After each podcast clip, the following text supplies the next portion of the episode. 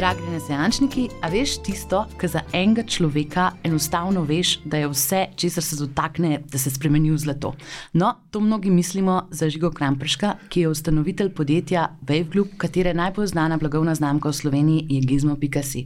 Žiga ima več kot desetletje mednarodnih izkušenj v vodenju in razvoju digitalnih tehnologij, a za čuda se danes ne bova pogovarjala samo o e-commerceu. Žiga je najnovejši projekt, ki ga je v sedmih mesecih spravil na 40. 400k mesečnega prihodka, je Procreate Courses. Ta blagovna znamka združuje spletne video tečaje za učenje digitalnega risanja v aplikaciji Procreate in pripomočke za iPad umetnike. Komaj čakam, da začnemo.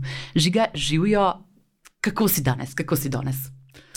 Odlično, hvala za povabilo, tudi tebi, pa hvala za tale.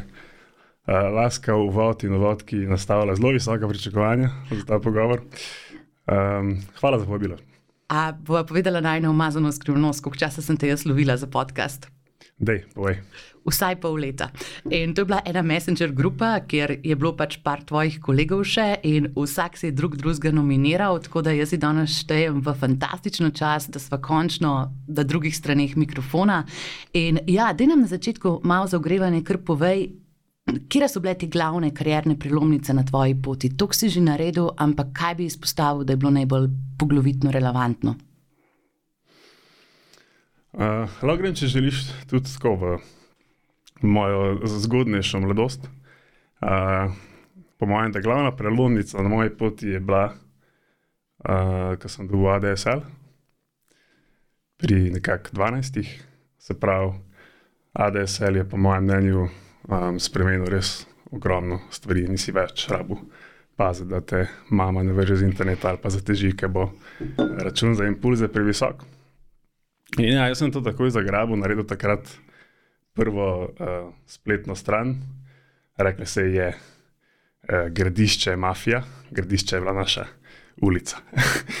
in uh, gor so bili, gor je bil webcam, To je bil, po mojem, tako edini live webcam v kraju, to je bil tehnološko full challenge takrat. Bil je gor shoutcast radio, torej noč in dan smo za nekih 3 do 5 poslušalcev furali radijsko postajo. Uh, pa galerija fotografij iz dogajanja iz te ulice na Yahoo, GeoCities platformi. Um, to so bili nekakšni začetki. Um, moj, moj prvi stik s spletom in me je takoj uh, ful fasciniral. No. Pa sem imel mogoče eno čisto smešno mi ena iz, edina izkušnja, ki jo imam v življenju z korporacijo oziroma delom v korporaciji. A, sem pri nekje 14-15, dva meseca počitniško delo v gradbeni firmi Vegrad delal, v IT-oddelku sicer. In sem dobil tam task, da moram uh, nekje 250 računalnikov v podjetju čez počitnice torej pristopiti do uporabnika, povedati, da bom zdaj jaz ta računalnik vzel uh, ven, ga odprl uh, s kompresorjem čistil, nazaj zaprl, prenesel, preklopil, testiral in update. In to sem mogel narediti 250 krat. In uh, je bila super izkušnja vem uh, vse o, uh, o tem, kako so računalniki noter zgrajeni, ampak nekako sem se odločil, da bom poskušal delati vse v smeri, da jaz uh, naredim nekaj sam, uh, da ne dobivam takih teskov več. In pa sem naredil svoj prvi biznis. In sicer to je bila uh, PKCD-jev oziroma zgoščenk. Uh, imel sem ta pekač in sem za 700 dolarjev noč in dan pekel CD-je za celo, cel kraj. Torej, imel sem tudi upsell, za 100 dolarjev si lahko dobil še eno slovnico natisnjeno. In je bil kar blooming posel. No. E, tako omogočil mi je, da sem si kupil še nov računalnik, um, nov monitor. In uh, sem še, še toliko bolj dobil neke pogoje, da nadaljujem na spletu. Uh, in sem začel delati potem web design, ogromno ene kilometrine, stotine dizajnov, ki so se takrat lahko uh, ful dobro prodajali, predvsem za ameriški trg preko ene agencije od kolega. Uh, pol pri nekje 16. smo pa naredili Partis, torej en večjih komunitijev takrat v državi. Uh, je bilo tudi eno full exciting obdobje. Uh, spomnim se, kako smo v Mariborskem študentskem uh, domu novačili nekaj, mi smo jim rekli, partnerje. To so bili v bistvu študenti, ki so dali v Maro računalnik, kjer je imel študent uh, 100 megabitno povezavo. Da so bili potem backbone slovenske uh, scene. In uh, ja, zdaj nimam s projektom več več desetletno, da ne bom dobil kakšnih takedown notisov na mail po podkastu. Ampak je bil, uh, je bil v bistvu ena fulfajna izkušnja, kako, mm, kako se obnaša komunity, kako growati komunity. Um, pa sem pa naredil leta 2008, to sem pogledal zadnjič prav v Ad Manager, prvi oglas na Facebooku. Spravo, mislim, da je bilo to zelo zgodaj. Ja. V Sloveniji so, mislim, da prišli nekje tam oglasi na Facebook. In sicer to je bil glas za, za parti za tisoč dijakov, ki sem ga naredil za, za po maturi na gimnaziji. In je ta dogodek rabil svoj Facebook glas. Smo investirali nekaj budžeta v oglaševanje na Facebooku. Uh, ja, ta dogodek je sicer tako fulfajn primer uh, neke norosti v mladosti, ker je bil, bilo je tisoč mladoletnikov, točili smo alkohol. Um, mogoče ful. Zdaj, ko pomislim na to, sploh ne vem, kako sem bil tako neprišteven, da sem tako stvar uh, organiziral, končal se je sicer fajn, ampak ja, um, to je takrat tudi, ko si mlad, ko ne vidiš teh ovir, full prednost, full več stvari narediš, um, takih in drugačnih. Um, potem pa je bilo ogromno enih fejlanih projektov. Uh, poskušala sva s kolegom narediti slovenski nekakšno slovensko verzijo T-Springa ali Zezla, to pomeni um, digitalen tisk na tekstil. Uh, je bila v bistvu neka platforma Kufr, ogromen minus, zelo velik fail. Uh, Veliko sem se pa začel ukvarjati z direct response copywritingom, uh, raziskoval vse možne vertikale za uh, prodajo na spletu z različnimi landing pagi, od suplementov, do pripomočkov za domačo vadbo. Uh, zelo dobro smo prodajali takrat tiste touchscreen rokavice. Uh, to je bil en tak fajn izdelek, narejen v Sloveniji. Uh, Jan in Tim imata danes Eurosender, mogoče kot zanimivost, smo takrat delali to skupaj. Pa tudi take bolj not safe for work niše so me zanimale, um, ker so načeloma bile uh, take niše, kot so XXX niša ali pa mogoče kakšni bolj šedi supplement offeri, so v bistvu na nek način vse narekovali neke najnaprednejše tehnike v oglaševanju. Najprej, naprimer, ne vem, neko full granularen split testing, pre-lenderjev ali pa neke grey hat tehnike, kot so cloaking in tako naprej, so se vedno rodile v teh nišah in kot smo jih nekako um, zapostavljali oziroma ni noben želel o njih govoriti resno, so na tehničnem področju dejansko doskrat narekovali trende. Tako da sem bil tudi v tej smeri radoveden, ampak noben projekt ni kaj preveč uspel. Mogoče nisem imel dovolj dobrega smisla za pisanje o teh nišah. Um, Polje pa mogoče čist z uh, tehničnega vidika je Facebook dodal možnost tarčenja po mobilnih napravah. Takrat se je dejansko dal tarčiti še um, dosta učinkovito, manualno, ni bilo treba pripuščati vsega algoritma, oziroma je bil algoritem dosta slabši. In uh, smo naredili gizmo. Mm, mogoče zanimivo je to, da dosta hiter sem pa dal Facebook Ads delati agenciji. In mislim, da je en izmed prvih adov um, naredil tvoj brat Jure v njegovi prvi agenciji. Um, mislim, da je bil to čist začetek uh, njegove poti. Pol je bilo pa še znotraj, mislim pa se je začelo neko tako obdobje, ki sem malo manj skakal, no, smo zadnje osem let bili precej fokusirani na gizmotu, ampak vmes je bilo spet precej enih fejlanih projektov. Um, na, predvsem na področju hardvera, kar smo želeli delati, pametna žarnica, ki tudi približen slovenski trg še ni bil pripravljen na to, ene sedem let nazaj. Um, delali smo luksuzno usnjeno rokavico, ki je imela noter mikrofon in zvočnik, in si se lahko pogovarjal z njo, kar je meni še danes fascinanten koncept, ampak je bil en večjih minusov. Um, sem se pa skozi nekako, predvsem ljubiteljsko, ukvarjal tudi z avtomatizacijami pa s chatboti. Um, Troljo je, mislim, da zdaj en uh, chatbot z največ dnevnimi pogovori, pri nas je zelo dolgočasen chatbot, ampak eno stvar dela dobro, da pove prihod trole. Um, še en chatbot vid pred uh, začetkom koronavirusa z namenom osveščanja.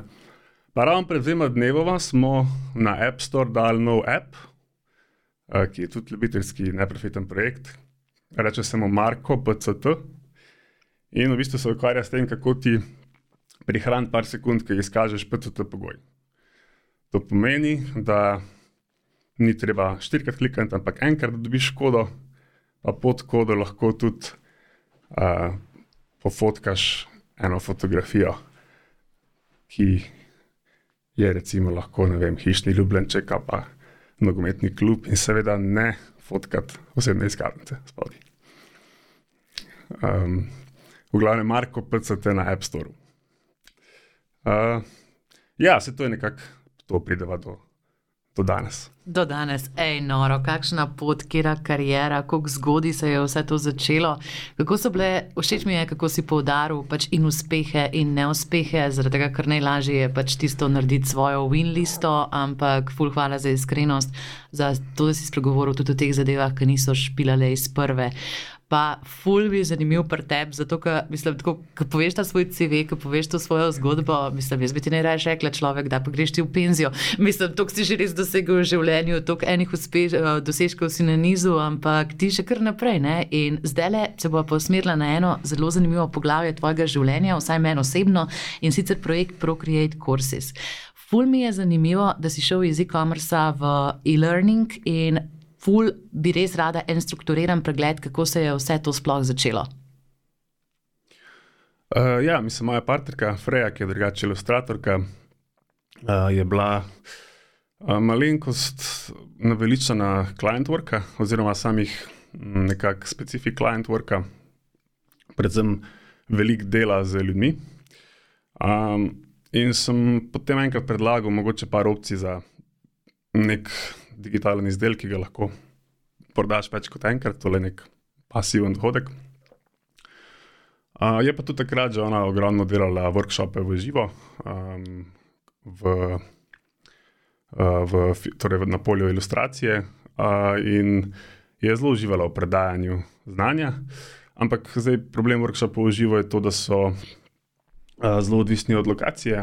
Se pravi, da so ne vem bila v zadnjih petih letih v 25 državah in je zelo težko potem to uh, furati uh, na večjih lokacijah. Se pravi, ne mogoče je skalati to na nek način tudi. Ne. Se pravi, tako na lokaciji, kot tudi skalati v smislu uh, velikosti posla.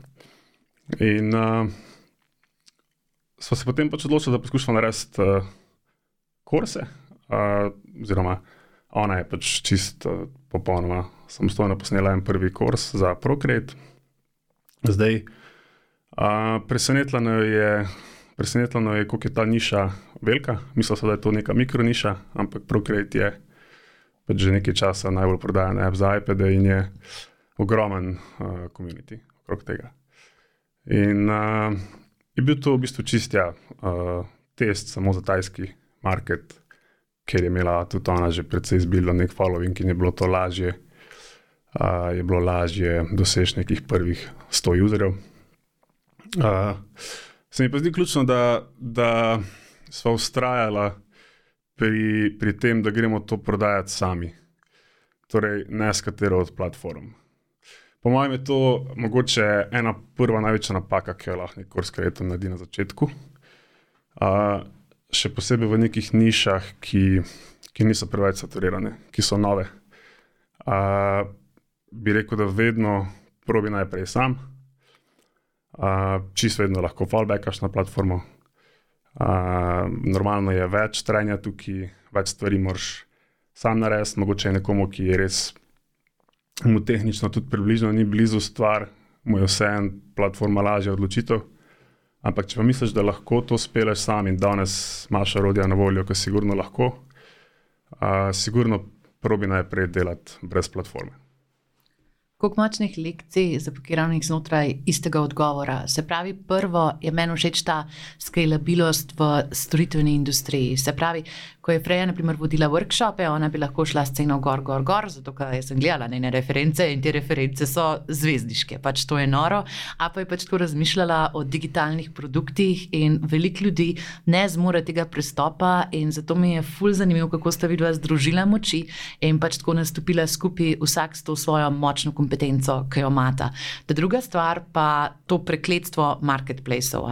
To, da se nekaj naredi, ampak jaz vidim toliko ljudi, ki potem tam stekenira, ki ne uresniči tega svojega divjega potencijala, ker to, kar ste videli, naredila je noro. Mislim, to je res takšen traction, da le vsaka čast in nebena platforma. Mislim, da ti ne more zalaufati na isti način, kot ste videli to vzpostavljati. Tako da naslednjo logično vprašanje je normalno, kako imate pa videti v podjetju vodstvene funkcije razdeljene, kdo dela kaj. Uh, ja, ko smo začeli na Tajskem, uh, sem jaz v bistvu imel problem sodelovati, predvsem zaradi uh, jezika. Pravi, zelo težko je delati nek market research uh, v tajščini. Um, smo sicer ostale neke specifike, ki jih ima market, uh, pohekal z tega vidika, mi je bil kar zanimiv market, imajo neke recimo payment metode, najbolj razvite tam so lokalne z bankami, preko QR kod, ni velike kartice, PayPal, karkoli podobnega. Um, in smo nekako te pogoje dosti dobro prilagodili temu, da je bil štart vsem fully spodbuden. Ampak pa smo se nekako dejansko za bolj formalno uh, neko partnerstvo, če to zdaj iščeš, odločila, ko smo se odločili v, torej na, v Ameriko. In uh, ja, smo si določili nekakšne neke predpogoje, uh, da si jasno razdeliva. Torej, uh, konsens je nekako, da potem, ko enkrat potrdimo, kateri produkt delamo, se jaz ne smem vtikovati v produkt in v način prezentacije, ker pač tudi enostavno nimam toliko znanja v niši, niti približno kot ona. Uh, ona pa se ne sme niti podrazno vtikovati v marketing, ker spet nima veliko znanja o tem, niti jo to ne veseli. In uh, ja, uh, mali je imela mogoče tudi težav z z, z tem, koliko bi izpostavila sebe v personal brandu, še posebej na domačem trgu, dejansko je bilo to dejansko je pol lažje v tujini delati. Ne? Ker je vseeno imamo ta brand. Uh, Sicer znamčen kot ločen, uh, ampak je ona velik del brenda. In uh, je, je tle malo mal, mal, mal bolj udobno je bilo to delati v, v tujini. Na začetku je bilo to vprašanje, v bistvu, smo se s tem najbolj soočali. Ali torej, imeli smo nek material posnet v tajščini, ali to enostavno dabati, torej voiceover delati um, in iti naprej, torej pridobiti na hitrosti, ali poskušati neke druge rešitve. In jaz mislim, da je to spet neko vprašanje, ki se fuldo skrat ljudje soočajo z njim, torej pri prehodu iz lokalnega trga na, na mednarodnega. Mm, zdaj, mi smo rekli, da okay, dabamo in gremo takoj naprej in vidimo, kaj se zgodi, je bilo to full rewarding. Uh, vse je bilo top. Je pa res, da je naša niša malo specifična na način, da je format nekih teh vsebin nek follow-along, torej precej uh, težko se je zgubiti, če imaš vsaj tudi uh, narativo, dosti dobro prevedeno, pa mogoče podnapise, ker se tudi ljudje, ki dejansko rišejo zraven, predvsej pa ozirajo in vračajo nazaj in tako naprej. Um, da jaz bi rekel tako, da če, ne, če je neka niša, ki vključuje nek screen share, ki vključuje nek, nek art, risanje, snemanje nekoga v, v formatu follow-alonga, sam da bi, sam naredi voiceover in paid in bo hiter in spoh se ne ostali. Um, Medtem ko obstajajo sigurno kakšne vertikale, ki je prezentacija toliko bolj pomembna, da bi recimo uh, to bil problem. Ja, naprimer, fitness mi takoj pride na pamet, veš, zato ker pač trener ima določeno energijo in kadar greš z osebnim pač brandom tok naprej, pač tako ni isto, če poslušaš, poslušaš ustanovitelja podjetja, a pa pač nekoga, ki trenira in pač ne vem, to v češčini replicira. Tako da, ja, tukaj je ful dobro si poudaril res razliko med temi vsebinami, ki so enostavno prevedljive in tistimi, ki niso. Ja, fitness je sigurno težko si predstavljam, da bi bila. Mislim, je, ali uh, to, kar si rekla. Ne. Ampak po drugi strani je več pa hitrost. Jaz, jaz res, um, recimo, začel sem si, da sem dal v ta projekt crka 400 ur. Nice. Um, in to je fulmalno, mislim, ja. na leto. Ne. In ker mi je bil to nek sekundaren projekt, je bila na nek način to um, tudi prednost. Ker sem bil ekstremno kritičen do tega, koliko časa rabimo za neki naredek. Se pravi, ko veš, da nimaš vsega časa na svetu, zato je lahko prednost na način, da si uh, fulbo preračunljiv, delaš fulvač kompromisov, um, narediš vse, da se pač premakne naprej. Ne? Zdaj, uh, ful se mi zdi tukaj nujen, pa ključen nekak skill, kako si um, takrat, ko delaš kompromise, to dosti dobro zaznačiti, pa znati se potem vrniti te napake, popravljati. Tukaj so pa razlike. Če, če, če na to pozabiš, imaš problem, ti stvar razpade. Ampak drugače pa to omogoča, da smo res ekstremno hitri se premikali naprej. Tudi no-code urodja ne, so bile tukaj res veliko pomoč, pa nekako tudi del mojega entuzijazma nad njimi, ker še vedno projekt nima developerja. Mogoče ga je bilo do zdaj 10 ur zunanjega developerja. Pa si to v Kajabi naredil? Ali? Ne, ne, to je vse custom. Mislim, okay. custom. Uh, to je backend, je WooCommerce, pa Webflow za za front, pa uh, eh, Loren Dash, pa ogromna enega integromata. Ja. Wow, okay. Se pravi, pol nisi šel na naše tipične tinkifike, pa tiče ble, pa teloma so je. Ne, ne, jaz sem, jaz sem full tak. Uh, hočem neke stvari, ki so popolnoma brez omejitev, če hočeš ti nekaj hekati sam. In mi, uh, ja, mi, me, me ne pritegne nobena taka platforma. Pridejo z zelo velikimi omejitvami, ki te užgejo takrat, ko si že tako zrastel, da te potem v to oren hoseka. Mislim, ja, ne, ne omogoča ti, po mojem mnenju, uh,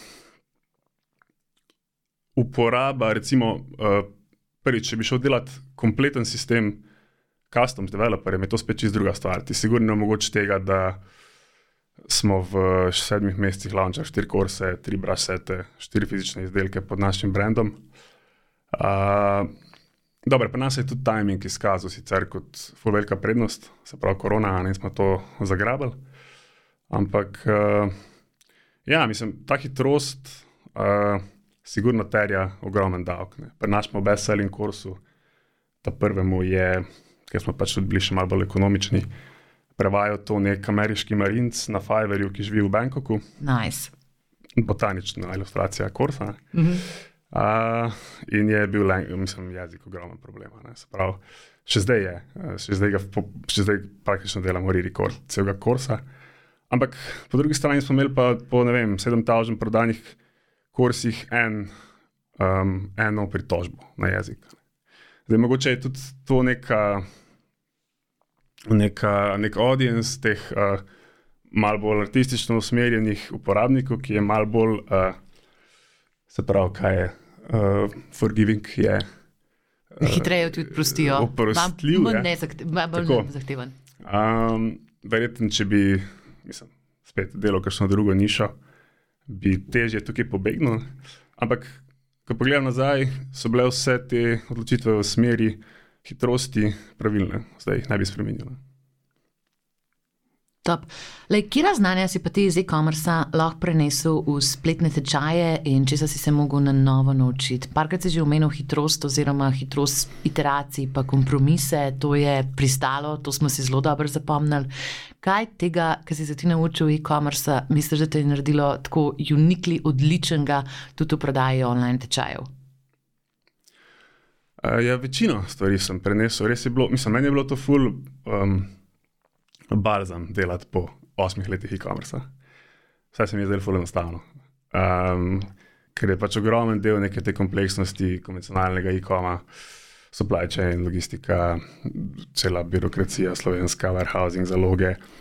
uh, pač odpade v celoti. Imáš ti res, res veliko več časa se posvečati frontendu, funnelu, pa izdelku. Um, tako da tukaj je, bi rekel, da to sigurno, no, mislim, meni je bilo sigurno ful lažje. Uh, skočiti v nekaj, kar je dig digitalen izdelek. Uh, pa spet, ja, mislim, da je no-code bil tukaj veliko pomoč, no, ker ti omogoča, da se res hitro premikaš. Na novo, mogoče. Mm, nisem se še soočil s community managementom, nekaj take dost oske, ampak passionate niše in sem mogel spoznati, koliko je to pomembno za tako stvar. Tako da nek tak community management na, na takem um, občinstvu smo malo redefinirali. Um, razen tega pa čisto neke specifike samega um, produkta, torej uh, digitalnega kursa oziroma video, videa, um, smo se mogli čisto črtati naučiti, nekaj, kaj so stvari, ki pač ljudi najbolj motijo. Mi smo recimo, mislim, da tako klasičen primer pri follow along, uh, mislim, klasična napaka pri follow along kursih je to, da je uh, prehiter. Se pravi, da mislim, smešno je, da dejansko vsi hitijo uh, delati full hitre lesne, uporabniki tega ne marajo, pa še ti lahko pol manj ur napišeš, koliko je kurs dolg. Se pravi, nima nobenega smisla uh, hiteti pri follow alongih, da si zdaj čas. Tudi za lokalizacijo se izkaže, da je, če se dela, oziroma če se dela voiceover, uh, veliko, veliko lažje, ker je, smo ugotovili, da pač v tajščini veliko stvari precej hitreje uh, povedati kot v angleščini. In imaš pol tukaj hitre probleme. Tako da, take it easy. Ja, pa fulj zanimivo, zato ker tistemu, ki je mogoče to dolgočasno, si še vedno lahko malo hitrost predvajanja, vidijo naš geane. Tako je. In v bistvu si ga zmagal, pač tako ne boš izgubil folka, tistim, ki me pa greš prepočasno, pa pač tako izvoli 1,5, ek, akcija, gremo, super. Um, tako da, ja, ful, ful, ful, ful, ful, zanimiv odgovor je bil na temo community managementa. A je community management nekaj, kar dela Freja, ali nekaj, kar delaš ti zaradi tega entuzijazma, zaradi te strasti, ki jo ima ta skupnost? Uh, ne, community manager, ki je bil kot tretji hire, full time uh, in je bil po mojem, tudi najbolj pomemben hire. Um, naša, mislim, skupina na Facebooku ja, imamo dve nekako fulaktivni grupi, eno za kupce Korso, eno za kupce Brašov. Koliko ima pa tukaj članov? To je skupaj mogoče zdaj 5-6 tisoč članov. Ni, okay. ni veliko, ampak no, imamo res samo ja. bajere. Noter, ja. Ja. Uh, pa tudi te ne grejo, mislim, jih je treba uh, spodbujati, da grejo v grupo. Ne? Ampak ja. Uh, predvsej je, mislim, težje zaštartati to, ampak potem nam je nekako uspelo do neke mere nek kult uh, vzgojiti. Um, ful je bilo, recimo, torej, niti Frej, niti jaz se nismo dobro v community managementu, zdaj je bil to takoj. Uh, uh, takoj sem želel najti uh, osebo za to in imel sem ful srečo, najdel eno super punco ki je tudi uh, sama uporabljala Procreate in je v filmu. To je super, to ja. najjače. In uh, je začela res stvari, kot so recimo tedenski kontesti, challenge. Um, recimo za kreative nam je sigurno najbolj uh, beneficial. Uh, reče se, mislim, da je Glow Up Challenge, kjer dejansko userji postajo before in after uh, drawing, torej pred in po kursu uh, in se potem to vote in dobijo neko nagrado. In to je pač nam kor za kreative. Pač, pravi, uh, risbe, ki so jih delali pred kursom in po kursu. In to so pač pristne kreative, ne to postajo sami. Uh, pa tudi v grupi imaš nekako najlažjo priložnost zaznati uh, možnosti, oziroma priložnosti za uh, to, da prosiš za video review. Se pravi, mi tretiramo uh, metriko, torej število nabranih uh, user-generated, uporabniško generiranih vsebin, uh, kot neko glavno metriko, ki jo ona reporta mesečno, plus support jo reporta mesečno. Ne? Tako za video, kot za foto ločeno. Poskušam tudi nagrajevalni sistem uh, alinati na to metriko. Se pravi, naloga supporta je sigurno, ker pač ima uh, največ interakcij na dan z uporabniki, da zaznate priložnosti ima neke dobre uh, predpripravljene nagovore, pripravljene za to, da imaš močne inicijative za to. in da dobiš na tedenski bazi 50 teh um, materialov.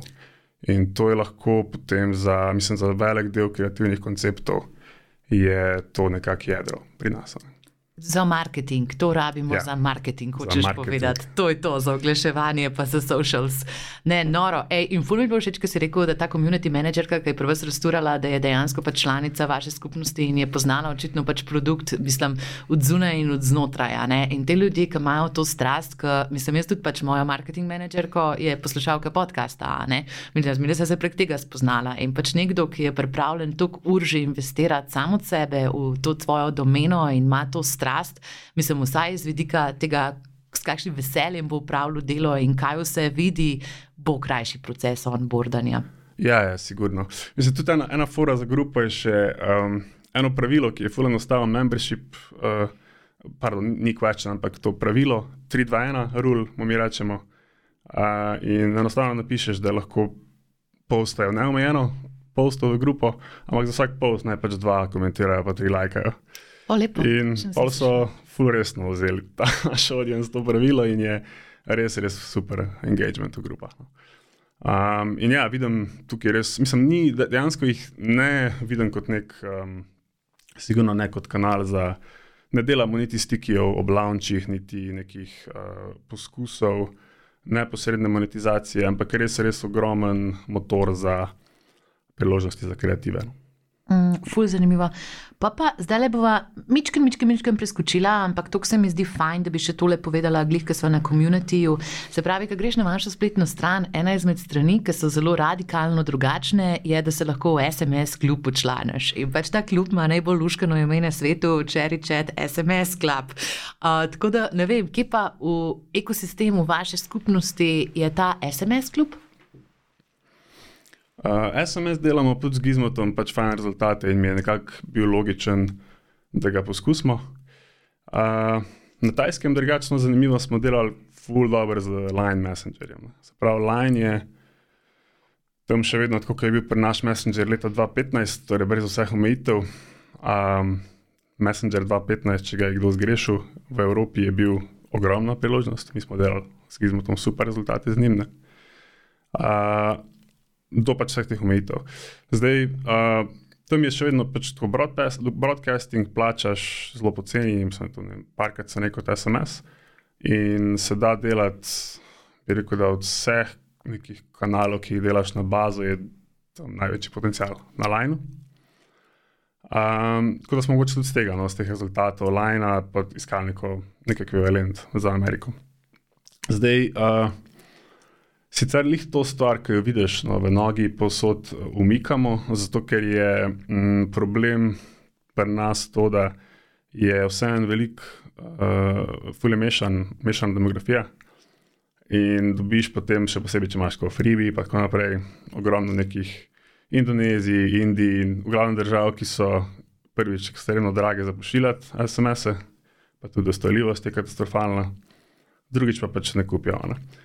In uh, pre, predstavljamo v bistvu ta lead gen za SMS na, na checkout. Uh, da bi nekako prvič spet, ko imaš neko listo SMS-ov, ki je čist flat, je precej težko narediti kakšen rezultat. Dobro se odnese v blančih, mogoče, no, ampak razen tega je pa kar težko malo bolj smartno govoriti, no, če imaš čist flat bazo po celem svetu. Ne. Plus tega, da je nek timing problem s time zone in tako naprej. Se pravi, če se greš tako čist na, na, na lowest effort, to stvar, kot sem jaz, pač da neko formo v futerane. Um, dosta enostavno dobiš veliko bazo, ampak je, je potem, ko malenko zraste, jo je malo težje očistiti.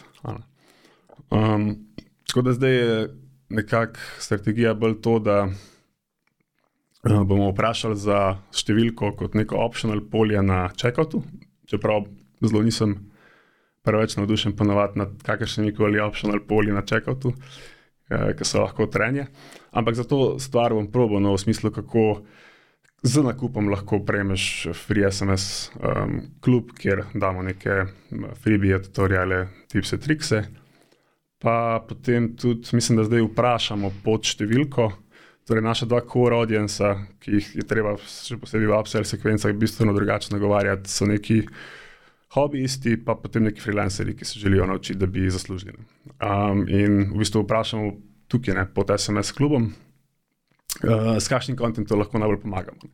A je to neka vsebina za, za ljudi, ki, ki uh, hobi rišejo v Procreate, ali za, nek, za freelancere, ki uporabljajo Procreate za, za delo, ne, nek simple radio button question. In dejansko eno je to, da okay, imaš potem uh, bazo, če odgovorijo na to, vsaj malenkost razdeljeno, drugo je pa to, da je potem upsell sekvenca lahko uh, s pogoji vezana na to, ne? ker je čisto drugače govoriti nekoga, ki bi rad zaslužil uh, s tem, kot pa nekoga, ki riše za hobi ali pa celo terapevtsko. Ne? Tako da, uh, mogoče to pri SMS-u, ja, da po mojem se splača, uh, če se dela na flat listi, Dajte delati, pol, mislim, za US, pa Kanado, pa te markete, ki so ekstremno poceni, je po mojem smiselno. Ne? Zdaj, recimo, neka Indonezija je pa 20krat dražja kot, kot uh, Amerika. Ne?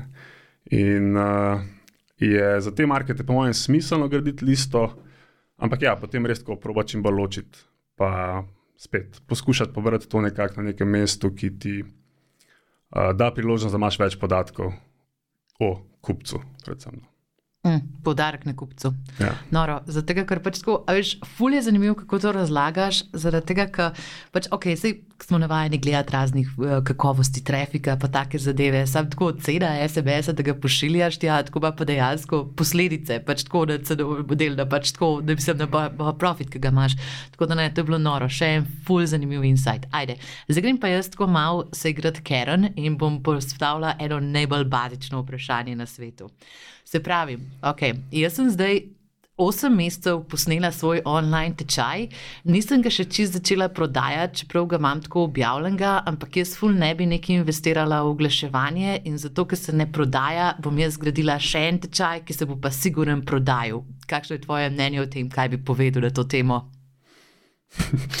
torej, uh, ampak ti si že dobila ne, x strank za No, moji prijatelji so to kupili. Ja. uh, torej, ja, kako, kako zbrati. Um, kaj, kaj pa je, tvoj prvi tečaj LinkedIn? Ne, ne, ne zabavam se, pač to ni moj realen Aha, to je Karen, ampak okay, to je okay, Karen. okay, Ja. okay. Ne, sem pač tako, veš, mislim, en človek je, ne vem, mesece in mesece življenja res investiral v to, da nekaj naredi in pol je pač objavil in pol pač ne vem, dobil tistega Jurija dva ven, kakorkoli se mu je že obrnil in pač zdaj misli, da je rešitev, da posname še en tečaj, ki se bo mm -hmm. še bolj prodajal.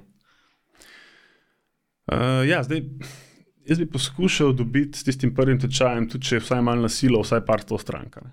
Kako pa? Uh, ja, zdaj, upam, da je tečaj vsak tako dober, da lahko z neko nulo ali pa z nekim manjšim minusom pridem do nekih 500 strank. Budžeta bi pa testiral?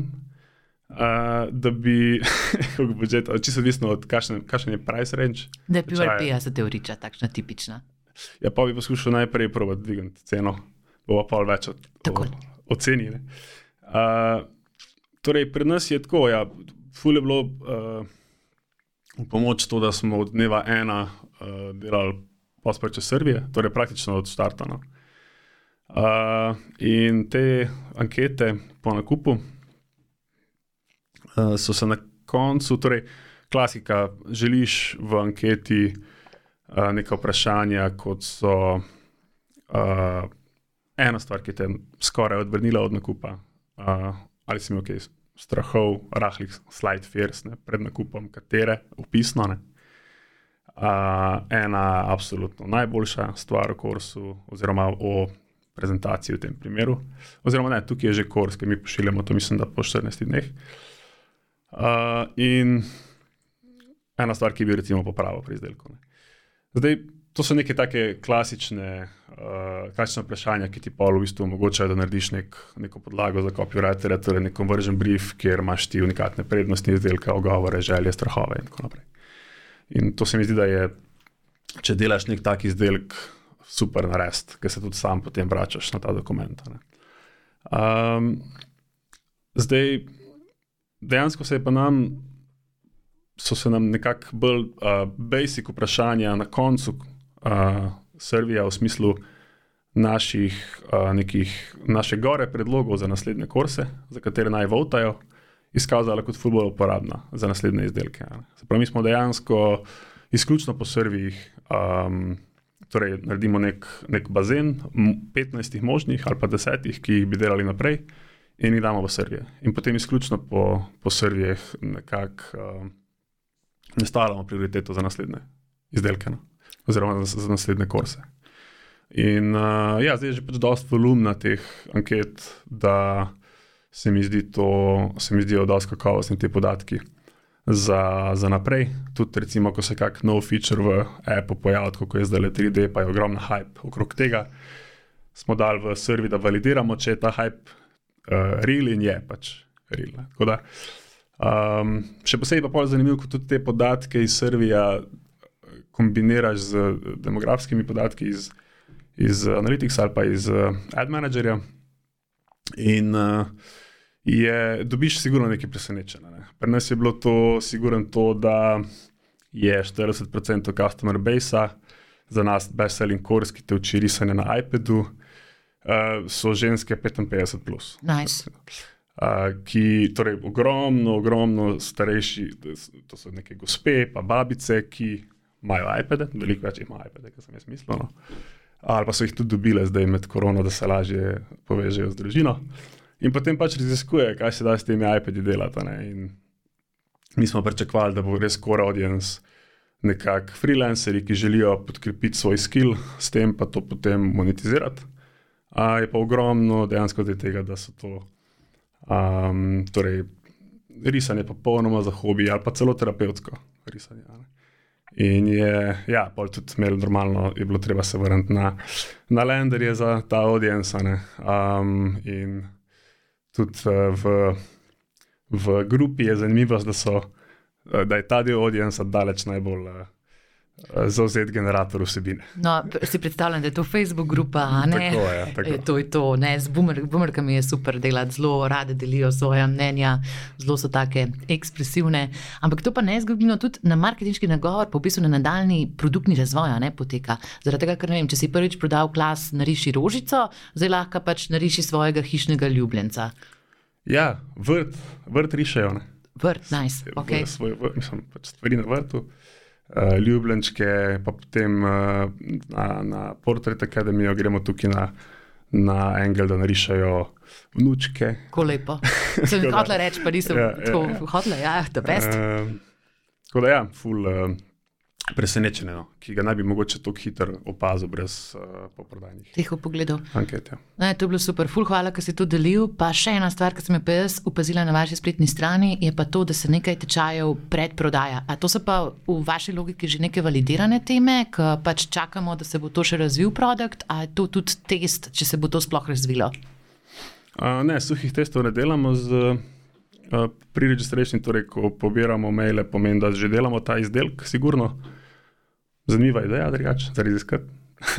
Ampak uh, launch sekvence so sigurno največja priložnost za kogarkoli, ki dela kurs. Koliko ljudi pa te konvertira potem od teh, ki so na čakalni listi, procentualno, če ni skrivnost? Uh, lahko tudi polovica. Nice.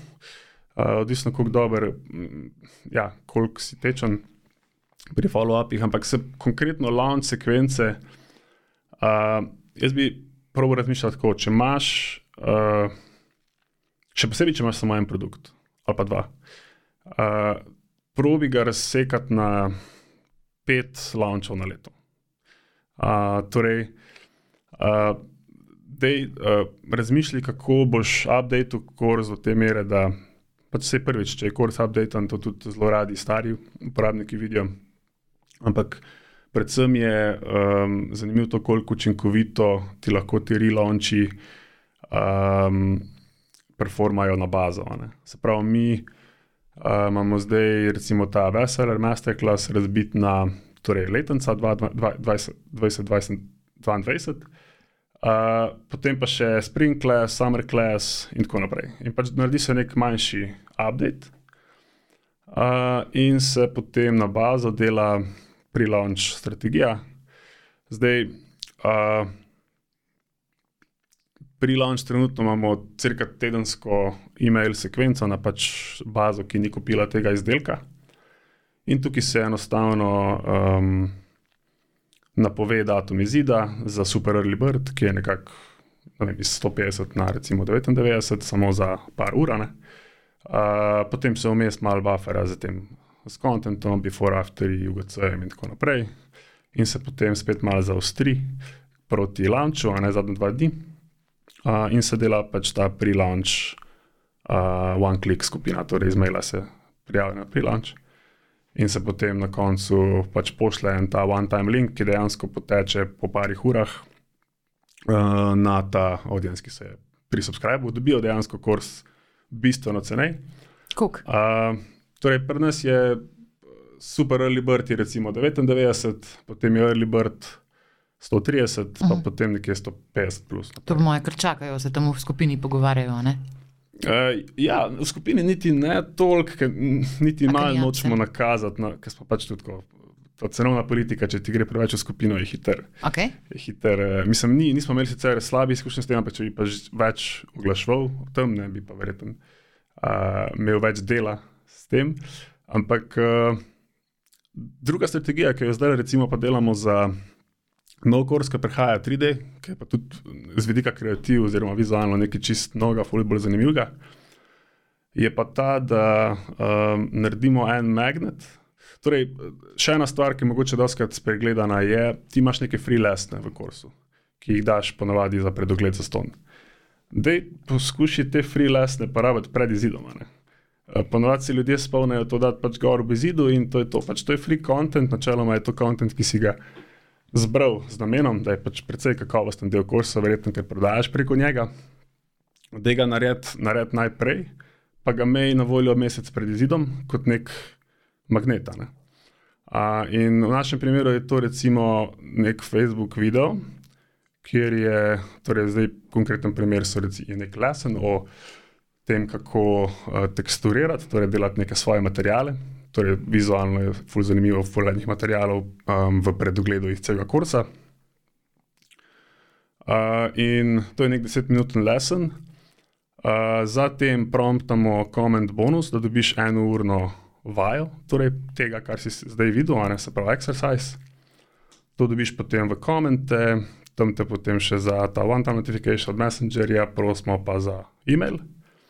In s tem v bistvu delamo potem pre-launch um, listo, ki še mesec prej. Zdaj, glavna stvar je pa tukaj tudi to, da precej heavy naložimo ta video in mi, mi smo 100% AWS. -a, to pomeni, da um, video viewsi so ti edini način, ki je še ostal, če želiš ti nek uh, audience nabirati za Black Friday skozi celo leto. Ne. In uh, pri vseh launchih dejansko želimo to, ne? želimo dobiti ljudi, ki pogledajo te lesne, uh, da dobimo pač event, video view, in imamo potem to na voljo za Black Friday. Ker je vse ostalo na iOS-u, je mesec ali pa dva, pa pač zgubiš ta podatek zdaj. Ne? Tako da um, tudi to je recimo mogoče en pristop. Poskuši, kar se da narediti prej s temi lesniki, in tako veš, da bo zastonj potem na peču Krasen напутък. Pa pa še ena fulj zanimiva stvar. Tam na keranskem vprašanju si ti takoj zastrigel z ušesi, pač cena 50 evrov, to je treba dvigati. In postavljanje cene tam v digitalnih produktih, to je nočna mora. Mislim, kako veš, koliko je neki uredno. Ne? Mislim, tako pač ne moreš iti, če enkrat daš prepocen pol gor, pač tako, taka, kot na nek način neporatna odločitev je. In ogromen kreatorjev vsebin se s tem blazno spopada in pa pač tam Simon Belak upije, da smo vsi prepocen. Um, tako, kako je bil pa vaš pristop? Pristop k postavljanju cene? Ja, tako si rekla, ful težko greš v kontrasmer, ne, nazaj gor. Uh, jaz mislim, da najprej pogledaš, koliko je niša saturirana, koliko si nov. Uh, potem poskušaš narediti produkt uh, težaven za primerjanje z drugimi. Ne. Se pravi, pri nas je bilo to v poplavi prokredit kursov nekje med 2 do 4 ure, imamo narediti mi pač 15-20 ur. Um, predvsej bolj um, extensive kurs. Ne? In uh, potem, ja, ne pozabi, da lahko spustiš vedno. Uh, zdaj, jaz bi rekel, vedno, če se odločaš za, za neko, torej med dvema cenama, sigurno štarti z višjo. Uh, za nek scale na US marketu, za digital content, danes jaz ne bi upal delati redne cene, oziroma cene, ki jo pušaš najbolj kot redno, manj kot rang 100 dolarjev. Predvsem zato, ker imej v mislih, kaj moraš ti narediti za Black Friday. Ne? Se pravi, Black Friday strategija, če jo, če jo pri digital izdelku dobro sfuraš, je lahko res uh, full učinkovita. Ne? Ker ti imaš uh, ogromnega ad spenda skozi leto, narediš pa nagovarjaš uh, nek res, res velik bazen ljudi, ki jim je edini zaviralec cena. In Svoja naloga je, da pač eh, za tisti en event v letu, ko, ko prvič uh, ti ne more komuniti zameriti, ker greš agresivno, a ne drugič nekako to pričakovano, da greš potem res zelo agresivno. Se pravi, bi rekel vsaj 50 ofane napram uh, drugim nekako najnižjim cenam uh, med letom. In ja, vedno si potem pogledaj, to bom, če imam 50 dolarjev redno ceno, bom pa za Black Friday 25. In, um, Doesn't add up. Bom, ja, mislim, ne bom mogel agresivno delati tudi top of the funnel, Black Friday. Vse baza bo naredila svoje. Ja. Ampak uh, Black Friday, prava priložnost je pač, da lahko uh, naložiš tako, kar lahko uh, učinkovito tudi na, na vrhu funnela, uh, lijaka. Vse je v redu, že gledaj, mi nismo občutljivi na te zadeve. You do you, pač kar, kar izvoli. Ne, ne, meni je zabavno, drugače. Ja, ja, je za razmišljati. Tako uh, da jaz bi rekel, da uh, poskušaj strmeti k temu, da narediš kors oziroma produkt dovolj dober, oziroma um, bolj težaven za primerjanje z sorodnimi produkti in s kon konkurenco, da si lahko privoščiš 100 dolarjev.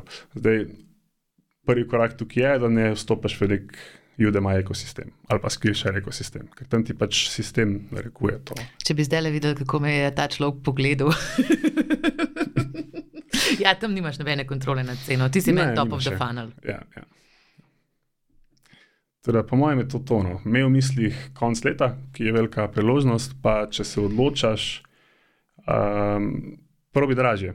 Je pa seveda pol, uh, mi se zdaj recimo ogromno ukvarjamo z marketi, kot so Indija in tako naprej, kjer pač je ne mogoče prodajati po taki ceni korsane, je pa res, res, res poceni promet.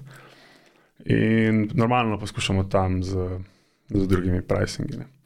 Ampak uh, tudi nimamo še lokalizirano, pa tako da zaenkrat.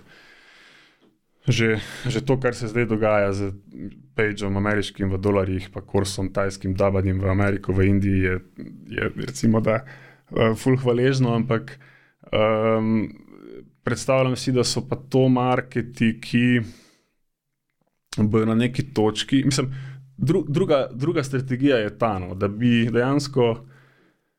Uh, mislim, da je ogromno ljudi na svetu, ki jim je, ki prvič pač za kurs, uh, si ne morejo prvoščati plačati več kot par dolarjev pa bi sicer plačali, pa imajo mogoče tudi pogoje zdaj za to, da imajo nek pocen rabljen iPad, pa nek Starbucks, kjer bi lahko recimo se učili um, naš, oziroma Procreate. In enostavno ne morejo dostopati do tega zaradi language barrierja. Se pravi, mogoče malo zapostavljamo, koliko ljudi na svetu res ne govori angliško. Predvsem v, v takih delih, pa recimo v, v Afriki in tako naprej. In po mojem, da jaz vidim prihodnost tukaj, sigurno v, uh, še posebej za take follow-along kurse, kjer torej ugotavljamo, da, je, uh, da, je, da so neke te pomankljivosti v jeziku bolj odpustljive, je sigurno sintetična podpora. Torej, uh, Tako nekako imaš torej, asistiran avtomatski prevod, uh, kot tudi sintetika uh, za narration. A v španščini valjda že imate kurs? Ne, ne še delamo. Oh, okay. delamo. Uh, tako da ja, vidim, kako dosež tak market, oziroma kako delati scale na, na, z nekimi bistveno nižjimi cenami. Tukaj pa govora recimo par dolarjev ali pa mogoče celo pay what you want model. Ne? Je pa s tem, ne, da dejansko si fully iskren glede tega, da delaš sintetičen audio ali pa sintetičen, mogoče celo video narejšen. Uh, da, tudi, da delaš tudi uh, uh, machine translation, ki je mogoče samo malo asistiran uh, s, s human translationom, in ti pač to potem omogoči uh, nenormalen scale na vse te zakotne jezike. Ne. Ker tam ljudje tudi, mislim, se bi rekel, vse imajo free course. Ker tudi free course nimajo čist nič v njihovem jeziku. Ne. Tako da uh, si težko predstavljati svet brez YouTube-a, free course, pa se želiš nekaj naučiti. Ne. Ne, pa tudi malo plemenito je, ja, veš, mislim, tako malo je na enablement. Se pravi, ne vem, če Freja pač ima to svojo bom rekla, tehniko oziroma to doktrino, ta svoj look and feel, ta svoj style. Vem, na nek način je tudi malo na osebnem nivoju rewarding nekomu, ki si tradicionalno ne bi mogel prvoščiti tega, pa če mogoče da naredi nek preskok v karieri. Ja, mislim, da je. Sigurno bi bilo full fine liberalizirati ja. pricing teh programov, za, uh, da bi bili lahko potem dostopnejši. Mislim, da se na nek način do neke mere to uh, Udemy pa Skillshare delata, ampak veliko je, uh, veliko je lokacij, kjer je tudi 20 dolarjev, še vedno, full velika. Pa te povej, kako imate vi completion rate na klorsih, pa bom jaz povedala, koga imam jaz na Udemy, pa se boš smejal. uh, a veš, da se premalo ukvarjam s to metriko. Um, mislim, da je, gledaš kaj, ti gledaš na mesec, dva, tri. Ja. Eh, na zadnje, ki sem gledal, pa tudi čisto na začetku, um, je, mislim, da je bilo crka 20%. No, vidiš, veš, kako imam jaz? 2,5 je dober ja, mesec. Ja. To, to hordamo na zalogo vse. Takrat, ko bomo boljši, se bomo malo učili. Ne, tako da, če si drug editor, veš, ko prideš v neko skupnost, pa pač, ko imaš commitment, pa ko moraš sam res napredovati, pa ko so res pač te zadeve narejene, zato ker si jih želiš dokončati. Pač, kot mm -hmm. ne vem, pri fitness programih. Pač, drugače. No? Mislim, da ne hordaš si jih pet, ampak se nekam komitaš in tisto pol narediš. Ja, mislim, to je fajn v komunitiju, v skupini je fajn nakazati. Uh, se pravi, najdete nek, nek uh, način oziroma vsebino, ki jo potem tudi izobraziš uh, memberje, kako jo naj postajo, pa kakšni odzivi se nekako pričakujejo na te poste. Zdaj pa nas je to fully simple, ker pač postajo kar so narisali. Pri drugih uh, vertikalah je mogoče to teže najti, ampak enkrat to najdeš, ti res pol steče ta in feedback, ki ga dobijo od komunitija, ne, in nek tak self-sustainable, uh, samo v, v voden komunitije potem uh, v, v grupah, ne, kar je super.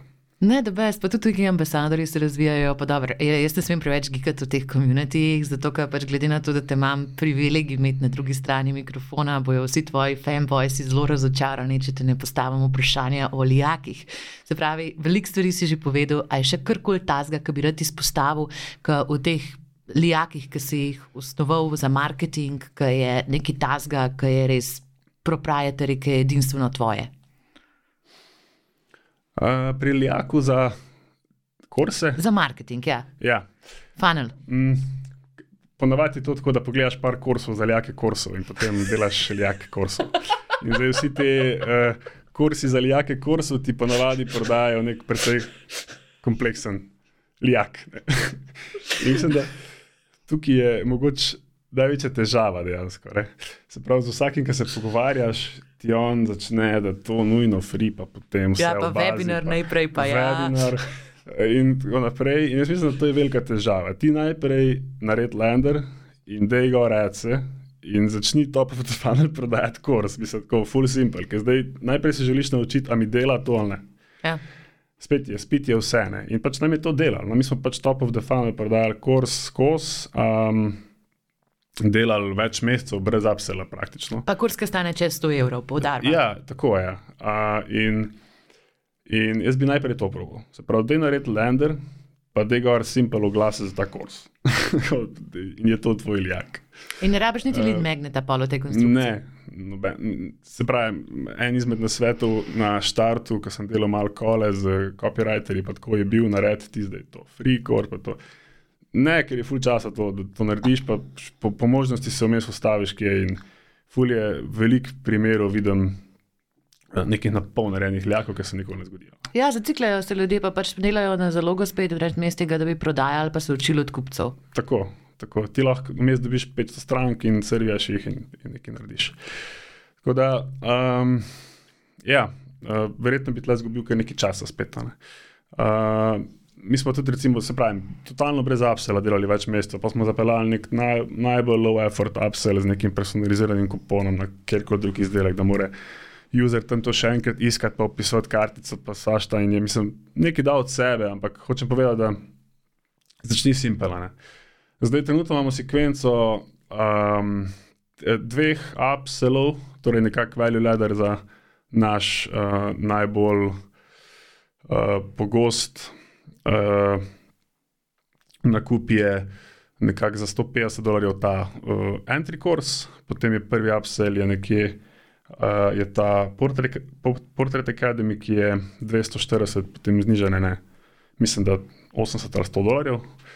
Uh, takoj po nakupu, pa potem še downsell, so ti braši, neka taka a la carte varianta, da si izbereš, mislim, da isto 30% cene, še lahko one click braš, to daš v, v order. Um, in ta zaenkrat, no, drug najbolj pogosti pa pač braš, pa potem masterclass upsell. Uh, to, to, to sta jaka zaenkrat, ko govoriva torej v neposrednem afterorder upsellom. Uh, pa potem uh, bumpi še na checkoutu, torej ali direktno braši, uh, commercial license za braše, super bump, uh, 4K video bump, zdaj prvič pripravljamo, uh, ne vem kako bo. Uh, ampak neka dost simpel stvar, na katero lahko pomisliš, še posebej, če delaš neko tako highly visual vsebino. Uh, pol pa ja, na začetku mogoče ena stvar, ki se jo splača razmišljati, uh, je full simple spet. Uh, če imaš neko listo mailov, ki je recimo uh, dost mehna in je pač ne mailaš na začetku, kar je legit, mislim, izguba časa, da je saj nastal neke tri, štiri, dead simple automation, z nekim, makar, hej, tle je kupon za 20 off, danes pa mogoče da je tisti personaliziran kupon, njegovo ime v kupon, pa da je enega po 4 tednih, enega po 8, enega po 12, pa so lahko maili, ki imajo noter dva odstavka. Uh, in smešno je, ker taki maili outperformajo neke full kompleksne flowe, ki gledaš to. In da stav recimo to za štart, ne želiš pač tisti stranki, ki si jo dobil poslati v naslednjih dveh mesecih, nekih, nekaj štiri maile, ki naj bojo ekstremno enostavni, sam pošelji. Um, se pravi, naj, najlažji kupon. Doskrat se to tudi recimo pri, pri Gizmo, to smo za SMS provali biti smart, ful prevečkrat, pa vedno potem nek, nek dump kupon za popust najbolj deluje. In to vam mogoče nisem na začetku, ko še ne mailaš. Ne. Zdaj, ena stvar, ki se je še pri nas, uh, uh, fuldobro izkazala, pa bi mogoče uh, svetoval vsem, ki imajo average order value, recimo okrog 100 dolarjev. Uh, razum, koliko ti je pomembno čim bolj dobro obdelati, torej abandoned karte. Zdaj, če imaš ti 100 dolarjev AOV, uh, pa prvič, če ne delaš abandoned karto, jih pač nastavlja zdaj, jaz sem šel še malo dlje, ker mi je nekako um, moto, me je nekako open rate okrog 50%, oziroma sem si pa zračunal, koliko bi naredili abandoned karte, če bi bil 80%. In uh, delamo v bistvu z MailShakeom, torej z Gmailom, abandoned karte. Prek neke avtomatizacije, da si pač zagotovim res dostogljivost v primary. In se je to izkazalo kot super. No. Mislim, še posebej pri nekih tako high value izdelkih, se splača tukaj ustaviti. Uh, torej, ja, to je, to je nek uh, toliko oljaku, mogoče. Ej, to, te te lijaki so bili super, res, mislim, veste, tako spoštujem, kako se trudiš slovenske besede uporabljati, ampak ena ti je pošla, braš. Se pravi, gre za fizični čopič, ki je priporočen za slikanje, ne e, tako e-commerce izdelek. Ne, ne, ne. To, je, to je digitalen izdelek. Ja. Ja, digitalen je. Digitalni čopiči. Torej, ti si nalodaš okay. v, ti si, uh, čopiči, ki so že vključeni v Procreate. Uh, smo pač videli, da lahko naredimo boljše. In uh, ti si nalodaš not uh, boljše čopiče za recimo vodne barvice, za guaš, za oljne, uh, torej uh, uh, oljna, oljne paintinge. In si naložil, da so te čopiče in jih potem uporabljaš in je to v bistvu nek tak plugin. Meni se ja. pa zavedel, ko sem šla na spletno stran, jaz sem mislila, da nisem mogel upreti e-commerce, zdaj ima pa še komplet kot čopičev, tukaj le zraven prodaje. Jaz sem bila zihar, da je to fizičen produkt, pa ni. Ne, ne, imamo štiri izdelke tudi, jak, ampak so, niso čopičine. Je pa smešen, ker uh, lih ta del audienca, ki sem ga prej omenil. Aha, mi bumorke. Uh, uh, doskrat čaka čopiče, potem pa išče tracking number. Ne. To je to. Tak, so digitalni izdelki. To, ja.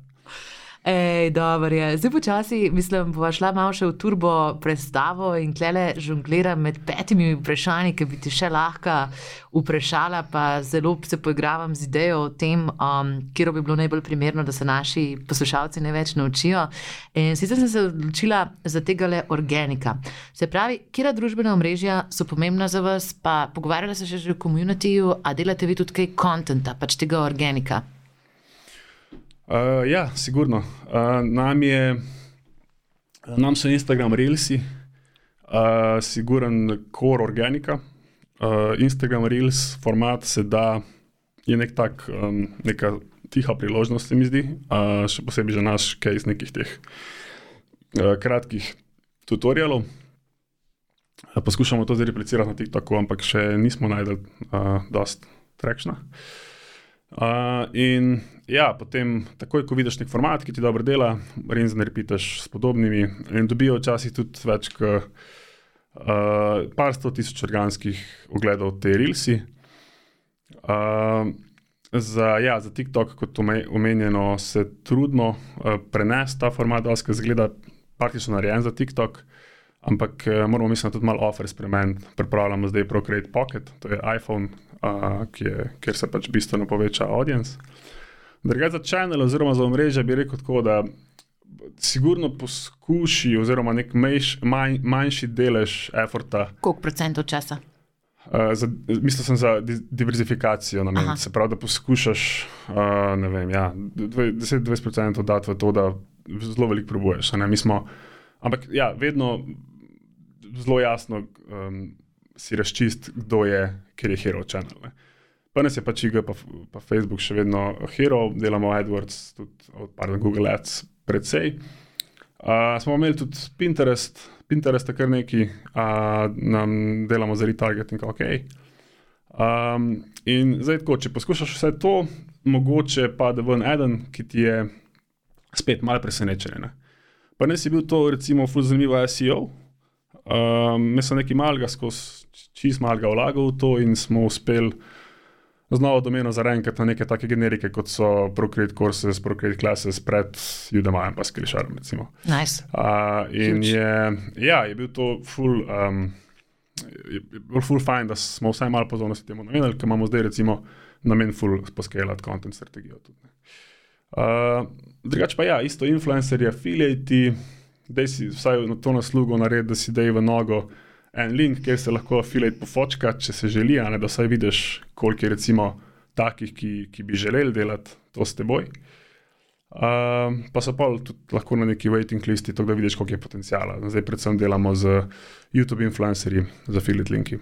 Uh, tukaj se da delati tega veliko, ker je ogromno konta na, na YouTubu. Ej, vrhunsko. Zdaj pa še v sekcijo, ki se imenuje Žuta štampa.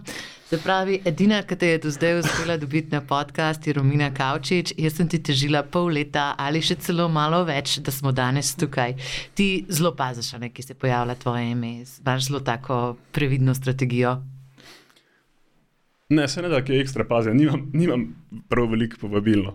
Ampak eh, ni mi tudi neka fora ta, ta public exposure, še posebej, če če ni v neko neposredno pomoč nekomu, ki začenja pot, ja. ta del me zdaj bolj zanima. No. Nimam neke agende, da bi full aktivno hajal ali pa da bi prodajal neki. Uh, sem ja, bolj tako v svojem krogu ljudi, gojim bolj kakovostne odnose, ne toliko površinske. Smešno mi je, ker ne vem, se vidiš s kom, ki si se pet let nazaj z njim menil na, na Messengerju enkrat. In pa se pogovarjati, kako dolgo se nismo videli, in se moramo kaj ujeti.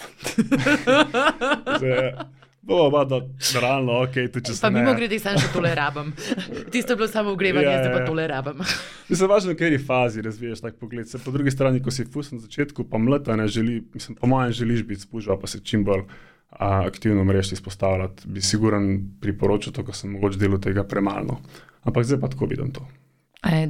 Kako pa tako zgleda ta tvoj lifestyle? Mislim, kaj ti je pomembno, kaj ti tako delaš čez dan? Kakšen je tvoj tipičen dan? Mm, Greš za komp?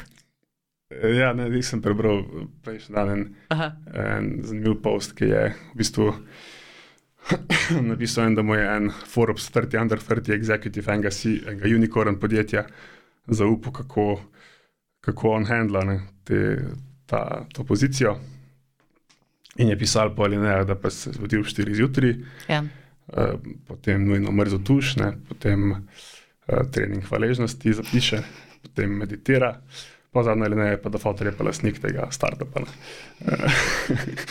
Tako da jaz mislim, da te uh, rigorozne rutine, uh, te, upam, da tega ne iščeš, no tega sigurno nimam.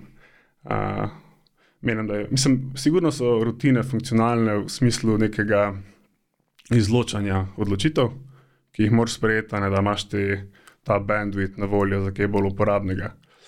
Ampak um, razen tega, pa ja, če pretiravaš s tem, mislim, da so lahko uh, škodljive. Tako da, po mojem, rutina je dobra, da je strukturirana na nek način, da nisi zdaj nefunkcionalen, če tega ne narediš. Ampak jaz se dosti prilagajam tukaj, prvič nekako okolju, se pravi lokaciji, kaj ima za ponuditi, uh, tudi letnemu času, malo gre svetlobo, tako da ni, ni nekaj full. Basics, full spim, trening naredim trikrat na teden, najmanj, največ tudi trikrat, škašem basket, vedno isti zajtrk, dva para džinsa, 15 črnih majic. In ti si rekel, da nimaš rutin. Ok, čeč. Ne veš, kaj sem bolj ciljala. Se pravi, kot tebe poslušaš, tako feeling imaš, da v lifeu nisi še nič naredil in away. Zato, ker pač ti tako od 12. leta si pač tako aktiven in ti v zašeški, jaz ne vem, če se blag dajo v podkastu tako tih, kot takrat, ko si ti svojo zgodovino opisoval. In ne vem, pač tako mi je, odkje imaš ti to voljo, ta svoj drive, mislim, kako ne popuščaš, ali to te res takšen ogromen passion, ali ne vem, mislim, kaj, kaj je v tvoji glavi, ki ni v naših. Uh, ne, internet mi je sigurno full velik passion. Ja. Mislim, da se tudi ogromno uh, časa off work, uh, delam neke, neke hobi projekte, ki so v tem. Ampak te, drugače mi je, uh, če govorimo o pešnih, uh, japonska mi je full passion, vse povezano z japonsko kulturo, hrano tudi. Uh, v, tudi v vadbi sem se zadnja leta končno full bolj najdel. Uh, pa mehne stvari so mi passion. Uh, stvari, ki se ti prvih 15 minut, ki jih delaš, uh, niso všeč, pa ti pa postanejo lahko všeč. O, lepo, ta craftsmanship, to je the best. In ne, mislim, tako ta brand, ki ste ga naredili s Frejo, je meni pač tako fenomenalen. Mal nisem mogla verjeti, da si ti zadnji zatržnik tega, zato ker sem te navajena gledati, da veš, tako malo bolj iz teha. In pa pač pridem tja in vidim pač tako wow, pisane rožice in veliko barov, tako kjuci, kjuci. Pač um, ful nisem skomprehendala, da si ti pač tako velik del tega projekta iz prve. Tako da to brand, a je to bolj Freja, si to bolj ti. Uh, ne, a misliš kopi? Ja, mislim, tako kopij, pa te barve, ta look and feel od tega brenda. Uh, Freja, mislim, da nobenega teksta na peču sploh ne prebere, niti v mailih. Ne, Wow. ker je to res. Uh, ona čist drugače razmišlja, pa vidi svet. No, ona je ekstremno vizualen človek in je uh, enostavno prepustila ta del v celoti. Uh, kopi v celoti piše Jaka, Peršon, po mojem mnenju najboljši copywriter pri nas, vsak ima enega. ne. Valjda. Bej, da jih zapira ASP drugače. A je zaposljiv? Uh, tako da, ja, to je kar smešen, ker v bistvu tudi normalno maili so pisani v njenem imenu. In uh, ja, uh, ne, ni dosto v stiku s tem, no, ampak nekako zaupa, da, da jaka handla v celoti komunikacijo. Ne, in to je ključno, ne? zato ne moreš vsega narediti sam. Pač, kot smo se že prej o leadershipu pogovarjali, o razdeljenju, mislim, zaupanje je lepilo vsega. To, da bojo pač ljudje, ki so full dobri v tem jobu, naredili to. In zdaj bova šla pa kar na zadnje vprašanje, ki je tako malo meta in sicer žiga. Kaj je tvoje sporočilo za vse, ki bi radi začeli s svojimi online tečaji oziroma uresničili svojo strast in iz tega naredili mednarodno uspešen biznis?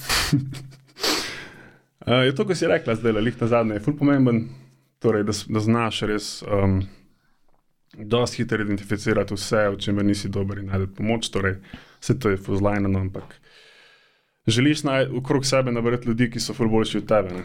in se zavedati, da, da v čisto vsakem področju je ogromno ljudi, ki, ki so tukaj pred tabo. Um, Nam se je recimo Upwork full obnesel, ne imamo zdaj kompletno pač remote team večino na Upworku, uh, tudi streamlinane procese uh, v smislu onboarding, screencastov, minimalna komunikacija na slajko, en tedenski stand-up, samo 30 minut. Uh, razložimo tudi dobro, kaj je efektivna, kaj je neefektivna komunikacija v podjetju, predvsem, ko smo v, po celem svetu v time zonih, da se potem marketer pa dizajner ne lovita dva dni okrog neke specifike, pravni kreativi. Uh, in ja, kar je že stokrat rečeno, poskuš dobiti ljudi, ki so boljši od tebe, ljudi, ki so boljši od tebe na, na vsakem področju. Ne.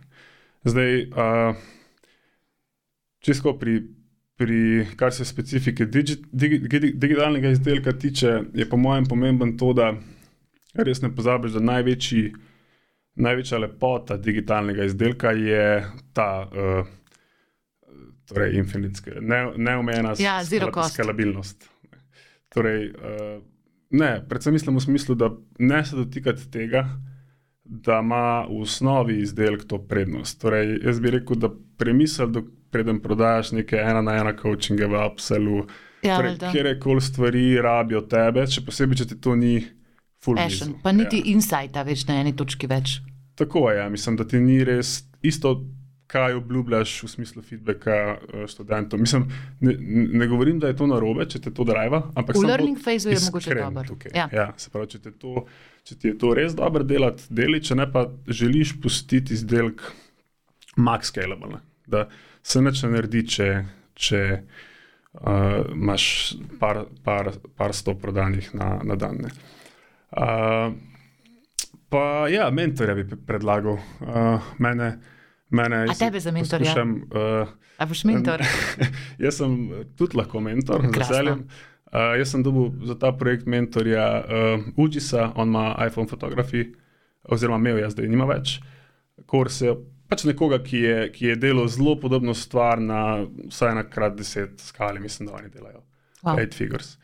Uh, in uh, mesečni koli, ki ti, ki ti ja, prvič. Uh, dajo neko hudo priložnost za samo refleksijo, kaj si naredil, pa potem valjda neke, neke fulvredne usmeritve za, za naprej. Tako da mogoče je to.